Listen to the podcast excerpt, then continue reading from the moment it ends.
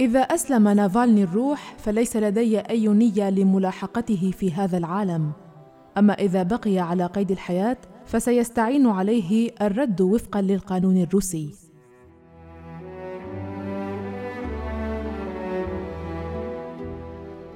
بهذه العبارة توعد ييفيجيني بريغوجين الملقب بطباخ بوتين في بيان أصدره يوم الأربعاء السادس والعشرين من أب أغسطس توعد بتدمير أليكسي نافالني ما لم يسلم الروح بينما يرقد نافالني في غيبوبة في برلين بعد تعرضه لتسميم محتمل.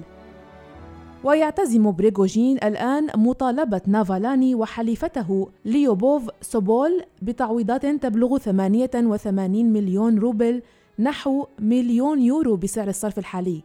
بعد نشر واحد من تحقيقاتهما بحسب بيان صادر عن المكتب الإعلامي لشركة كونكورد مساء الثلاثاء الخامس والعشرين من آب أغسطس. وذكر بريغوجين في البيان وقال أنوي تدمير مجموعة الأشخاص هذه التي لا روادع أخلاقية لديها مشيرا إلى أن شركة مقصف مدرسة تعاقدت مع كونكورد تضررت بعد نشر نافالني لفيديو يجرم نشاط بريغوجين. ويبدو أنه دفع تعويضات لهذه الشركة ويريد استرجاع هذه الأموال من المعارضين. كما أنه طالب في آذار مارس الولايات المتحدة بتعويض قدره 50 مليار دولار بعد أن فرضت واشنطن عقوبات عليه لدوره في تدخل موسكو في الانتخابات الرئاسية الأمريكية لعام 2016 وهو متهم بارتباطه مع مجموعة فاغنر التي أرسلت أشخاصا للقتال إلى جانب القوات الروسية في سوريا وليبيا وعدة دول إفريقية لكنه ينفي تماما أي صلة بهذه الشركة.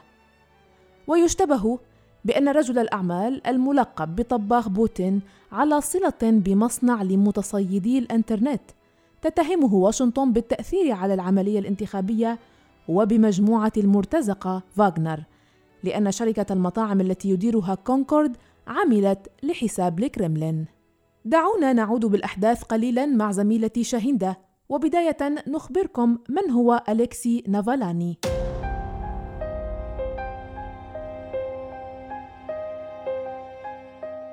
أليكسي نافالني هو محام وناشط سياسي ذاع اسمه بفضح فساد المسؤولين ووصف مرارا حزب بوتين روسيا المتحدة بأنه حزب محتالين ولصوص. واستخدم مدونته على موقع لايف جورنال لتنظيم مظاهرات واسعة النطاق لمعالجة قضايا الفساد والسرقة كما أنه يكتب مقالات بانتظام في العديد من الصحف الروسية. تعرض نافالني لمضايقات عدة من الشرطة في أكثر من مناسبة وقال بعدما استجوبه المحققون إحدى المرات إنه منع من مغادرة العاصمة في إطار قضية جنائية جديدة مرفوعة ضده. وكان نافالني البالغ 44 عاما يقول إن السلطات تريد منعه من التنقل في أنحاء البلاد لترويج لأسلوب تصويتي تكتيكي وهو اعتراض الموالين لبوتين قبيل انتخابات محلية. قبض عليه في عام 2011 وسجن لمدة 15 يوما عقب احتجاجات على تزوير حزب روسيا المتحدة للانتخابات البرلمانية. وعانى من حروق كيماوية خطيرة في عينه اليمنى في عام 2017 وذلك بعد تعرضه للهجوم بصبغة مطهرة. وعقب إعادة انتخاب الرئيس الروسي فلاديمير بوتين مرة أخرى في سدة الحكم كتب نافالني على تويتر العجوز الجبان بوتين يظن نفسه قيصرا لكنه ليس قيصرنا. كما حكم عليه أيضا بالسجن 30 يوما في يوليو تموز عام 2019 بعد دعوته إلى احتجاجات. قبل أيام أدخل نافالاني إلى مستشفى في مدينة أومسك بعدما فقد وعيه خلال رحلة بين سيبيريا وموسكو وقامت الطائرة بهبوط اضطراري بسبب تدهور صحته المفاجئ. الأطباء في المستشفى شخصوا حالته بأنها التهاب في الجلد، بينما أشار طبيبه إلى أنه ربما تعرض لمادة سامة وأنه لربما تم تسميمه. كيرا يرميش المتحدثة باسم نافالاني قالت إن أليكسي شعر بالمرض خلال الرحلة المذكورة مضيفة أنه تم تسميمه عبر مادة مزجت في الشاي الذي كان يحتسيه لأن ذلك كان المشروب الوحيد الذي احتساه المعارض الروسي في الصباح. في المقابل أعلن نائب مدير مستشفى أومسك أنه لا أثر لسموم في الفحوص الطبية التي أجريت لنافالاني مشيرا إلى أن حالته ما زالت غير مستقرة لكن شكوكا أثارتها المتحدثة باسم المعارض الروسي حول مصداقية الفريق الطبي المعالج ورفضه نقل نافالاني من المستشفى غير المجهز الذي يعالج فيه. هذه الشكوك قد تنسف تقرير المستشفى بعدم تعرضه لحادثة تسمم. ونوهت إلى أن الأطباء كانوا مستعدين في بداية الأمر لمشاركة أي معلومات لكنهم يضيعون الوقت. كبير الأطباء في المستشفى الذي يعالج فيه المعارض الروسي أفاد أنه لا يمكن نقل نافالاني بسبب حالته الصحية غير المستقرة حيث كان من المقرر هبوط طائرة إسعاف جوية مغادرة من نورنبورغ أرسلت لنقل نافالاني إلى ألمانيا لمعالجته وكتبت كيرا يرميش على تويتر أن إبقاءه في المستشفى غير المجهز في أومسك سيشكل خطرًا على حياته بينما لم تجرى عملية التشخيص حتى الآن. وأن عدم نقل نافالني هو محاولة لاغتياله يقوم بها الآن الأطباء والسلطات المخادعة التي أجازت ذلك. مسؤول الشؤون الخارجية في الاتحاد الأوروبي أعرب عن قلقه بشأن تعرض المعارض الروسي أليكسي نافالاني للتسمم مضيفا أنه إذا ما تأكد هذا فإنه سيتعين محاسبة المسؤولين وكانت كل من فرنسا وألمانيا قد عرضتا الخميس الفائت 20 آب أغسطس المساعدة في علاج المعارض الروسي البارز أليكسي نافالاني الذي أدخل المستشفى. وقال الرئيس الفرنسي إيمانويل ماكرون في مؤتمر صحفي مشترك مع المستشارة الألمانية أنجيلا ميركل إن بلاده مستعدة لتقديم كل المساعدة الضرورية له مشيرا إلى أن فرنسا عرضت على نافالاني وعائلته المساعدة في الرعاية الطبية أو أي حماية أخرى غير محددة. من ناحيتها قالت المستشارة الألمانية إن نافالاني يمكن أن يتلقى كل المساعدة الطبية في ألمانيا مطالبة بالشفافية في كيفية حدوث مثل هذا. يذكرنا هذا بما حدث عام 2006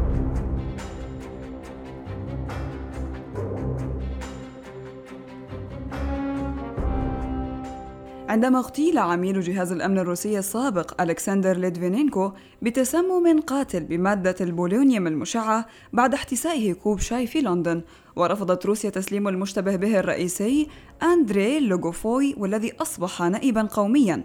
وفي عام 2016 خلص تحقيق بريطاني إلى أن مقتل ليتفينينكو ربما كان بموافقة الرئيس الروسي. وفي مارس 2018 بعد أن اتهمته السلطات بالتجسس لحساب المملكة المتحدة تعرض الكولونيل السابق في الاستخبارات العسكرية الروسية سيرجي سكريبال وابنته يوليا لعملية تسميم في مدينة سالزبري بجنوب إنجلترا بغاز الأعصاب نوفيتشوك الذي كان يصنعه الجيش السوفيتي خلال السبعينيات والثمانينيات.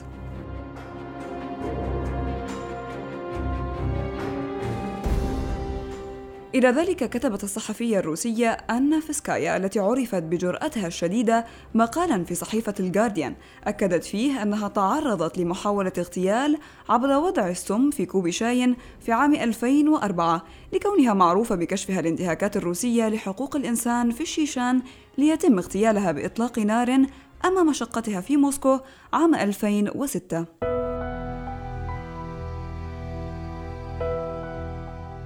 بالعودة إلى طباخ بوتين فإن نشاطاته لم تعد خفية على أحد. فمن طاه إلى مقاول شركة تمويل غذائي إلى ممول وداعم لأكثر العمليات السرية في روسيا. تحقيقات مطولة أجرتها صحف ومواقع إخبارية مثل بيلينغات وإنسايدر ودير شبيغل كشفت بمجملها أن المعلومات المضللة والتدخل السياسي والعمليات العسكرية التي يقوم بها بريغوجين مدمجة بإحكام مع وزارة الدفاع الروسية وجهاز استخباراتها الرئيسي ولا ينحصر دوره فقط بإمداد الجيش الروسي بالطعام. فعلى سبيل المثال حلل موقع بيلينغات سجلات هاتف بريغوجين لمدة ثمانية أشهر تمتد من أواخر عام 2013 وأوائل عام 2014 تم الحصول على السجلات من رسائل البريد الإلكتروني التي تم اختراقها لمساعد بريغوجين الشخصي وتم تسريبها عام 2015 من قبل مجموعة القرصنة الروسية شالتاي بولتاي. تضمنت رسائل البريد الإلكتروني سجلات فواتير الهاتف لشركته كونكورد للاستشارات والإدارة وتمكن من تحديد رقم بريغوجين الشخصي من بين قائمة أرقام الشركات استنادا إلى تطبيق ذكي للبحث عن أرقام الهواتف. وخلال هذه الفترة تحدث بريغوجين أو أرسل رسائل نصية إلى جميع قيادة مكتب الإدارة الرئاسية وإلى عدد من كبار الشخصيات في جهاز الأمن الفيدرالي الروسي وفي دائرة الحماية الفيدرالية ووزارة الدفاع أيضاً. واتصل وأرسل رسالة نصية إلى مستشار الرئيس بوتين والمتحدث باسمه ديمتري بيسكوف ما مجموعه 144 مرة. كما اتصل وتلقى اتصالات من رئيس أركان بوتين أنطون فاينو ما مجموعه 99 مرة. وتواصل بريغوجين 54 مرة مع نائب رئيس موظفي بوتين والمشرف على السياسة الداخلية. ويمكن القول أنه وصف وظيفي لا يشمل الخدمات اللوجستية لتقديم الطعام. تحدث بريغوجين أكثر من 25 مرة مع الملازم أول أليكسي ديومين وهو رئيس الأمن السابق لبوتين وفي وقت المكالمات كان يشغل منصب نائب مدير مديرية المخابرات الرئيسية الذي أشرف على ضم شبه جزيرة القرم. كما تحدث مرتين على الأقل وجها لوجه مع وزير الدفاع الروسي سيرجي شويغو. في حين أظهر تتبع البريد الإلكتروني مزيدا من الاجتماعات الشخصية المخطط لها معه. وتحدث 31 مرة مع نائب وزير الدفاع بولجاكوف المسؤول عن الخدمات اللوجستية للجيش. وثلاث مرات مع يوري أوشاكوف سفير روسيا السابق في الولايات المتحدة وكبير مستشاري بوتين في الشؤون السياسية الخارجية. تزامنت هذه الفترة مع تحول عمليات مصنع التضليل الروسي التابع لبروغوجين من سياسية محلية بحتة تستخدم في المقام الأول لتدمير شخصيات المعارضة وصحفيين مستقلين إلى عملية دولية طموحة مع مزيد من الجهود المخصصة لعمليات التدخل الأجنبي، أولاً في أوكرانيا ثم على مستوى العالم.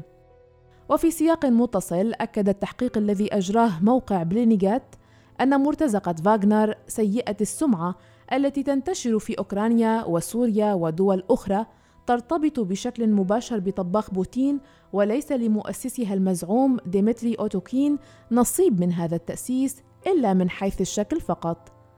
من جهة أخرى، فإن التحقيق استنادا إلى تسجيلات لمكالمات هاتفية نشرتها أجهزة الأمن في أوكرانيا يسمع فيها أوتوكين وهو يبلغ رجلا يدعى أوليغ إيفانيكوف عن مدى تقدم الأنشطة العسكرية في شرق أوكرانيا ليتضح وفق موقع بلينيكات أن إيفانيكوف ضابط كبير في المخابرات. وفي مقطع آخر سمع أوتوكين وهو يأخذ التعليمات وينسق عمل المرتزقة بشكل مباشر من الجنرال ييفيجيني نيكيفورف الذي كان آنذاك رئيسا لأركان الجيش الغربي الثامن والخمسين. يتضح من سياق المكالمات أن أوتوكين يبدو تابعا لكل من إيفانيكوف من المخابرات العسكرية الروسية وللقيادة العسكرية الروسية بشكل عام كما كشف موقع بيلينغات أيضا حجوزات طيران مشتركة بين قادة الفاغنر بما في ذلك أوتوكين نفسه وضباط في المخابرات في مناسبة واحدة على الأقل سافروا فيها بصحبة كل من تروشيف وأندري لابتيف وهو الاسم المستعار للجنرال إيفانيكوف من المخابرات الرئيسية.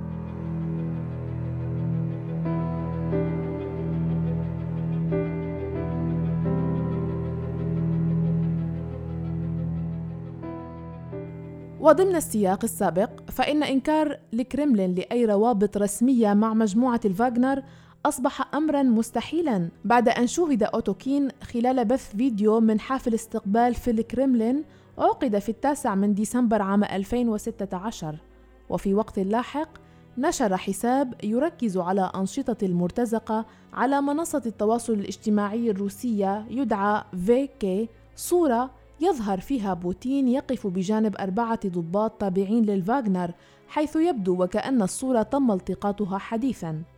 اللافت أنه في عام 2017 قام ديمتري أوتوكين بتغيير اسمه وتم تعيينه بعد ذلك كرئيس تنفيذي لشركة التمويل الرائدة المملوكة من قبل ييفيجيني بروغوجين وهي شركة كونكورد للاستشارات والإدارة. وبالانتقال إلى القارة السمراء كشفت تحقيقات أجراها موقع برويكت الروسي المستقل استنادا إلى وثائق داخلية مسربة أنه اعتبارا من عام 2019 كان لدى بروغوجين مستشارون سياسيون يعملون في 20 دولة إفريقية مختلفة وكان لديه اهتمام ب 19 دولة أخرى وفي مجمل التحقيقات والتقارير التي أوردتها المواقع والصحف. آنفة الذكر فإن طباخ بوتين ومن يقف خلفه في جهاز الاستخبارات الروسية يديرون ويشرفون على أنشطة عسكرية وسياسية واقتصادية في عشرات الدول حول العالم وخاصة الدول التي تشهد نزاعات على أراضيها.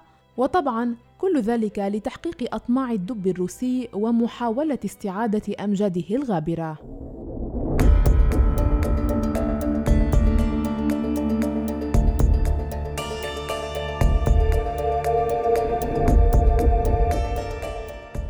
استمعتم لحلقة من بودكاست في عشرين دقيقة. قدمتها لكم أنا مها فطوم وشاركتني بالتقديم الزميلة شاهين أديب وفي الإخراج أمجد حمدان.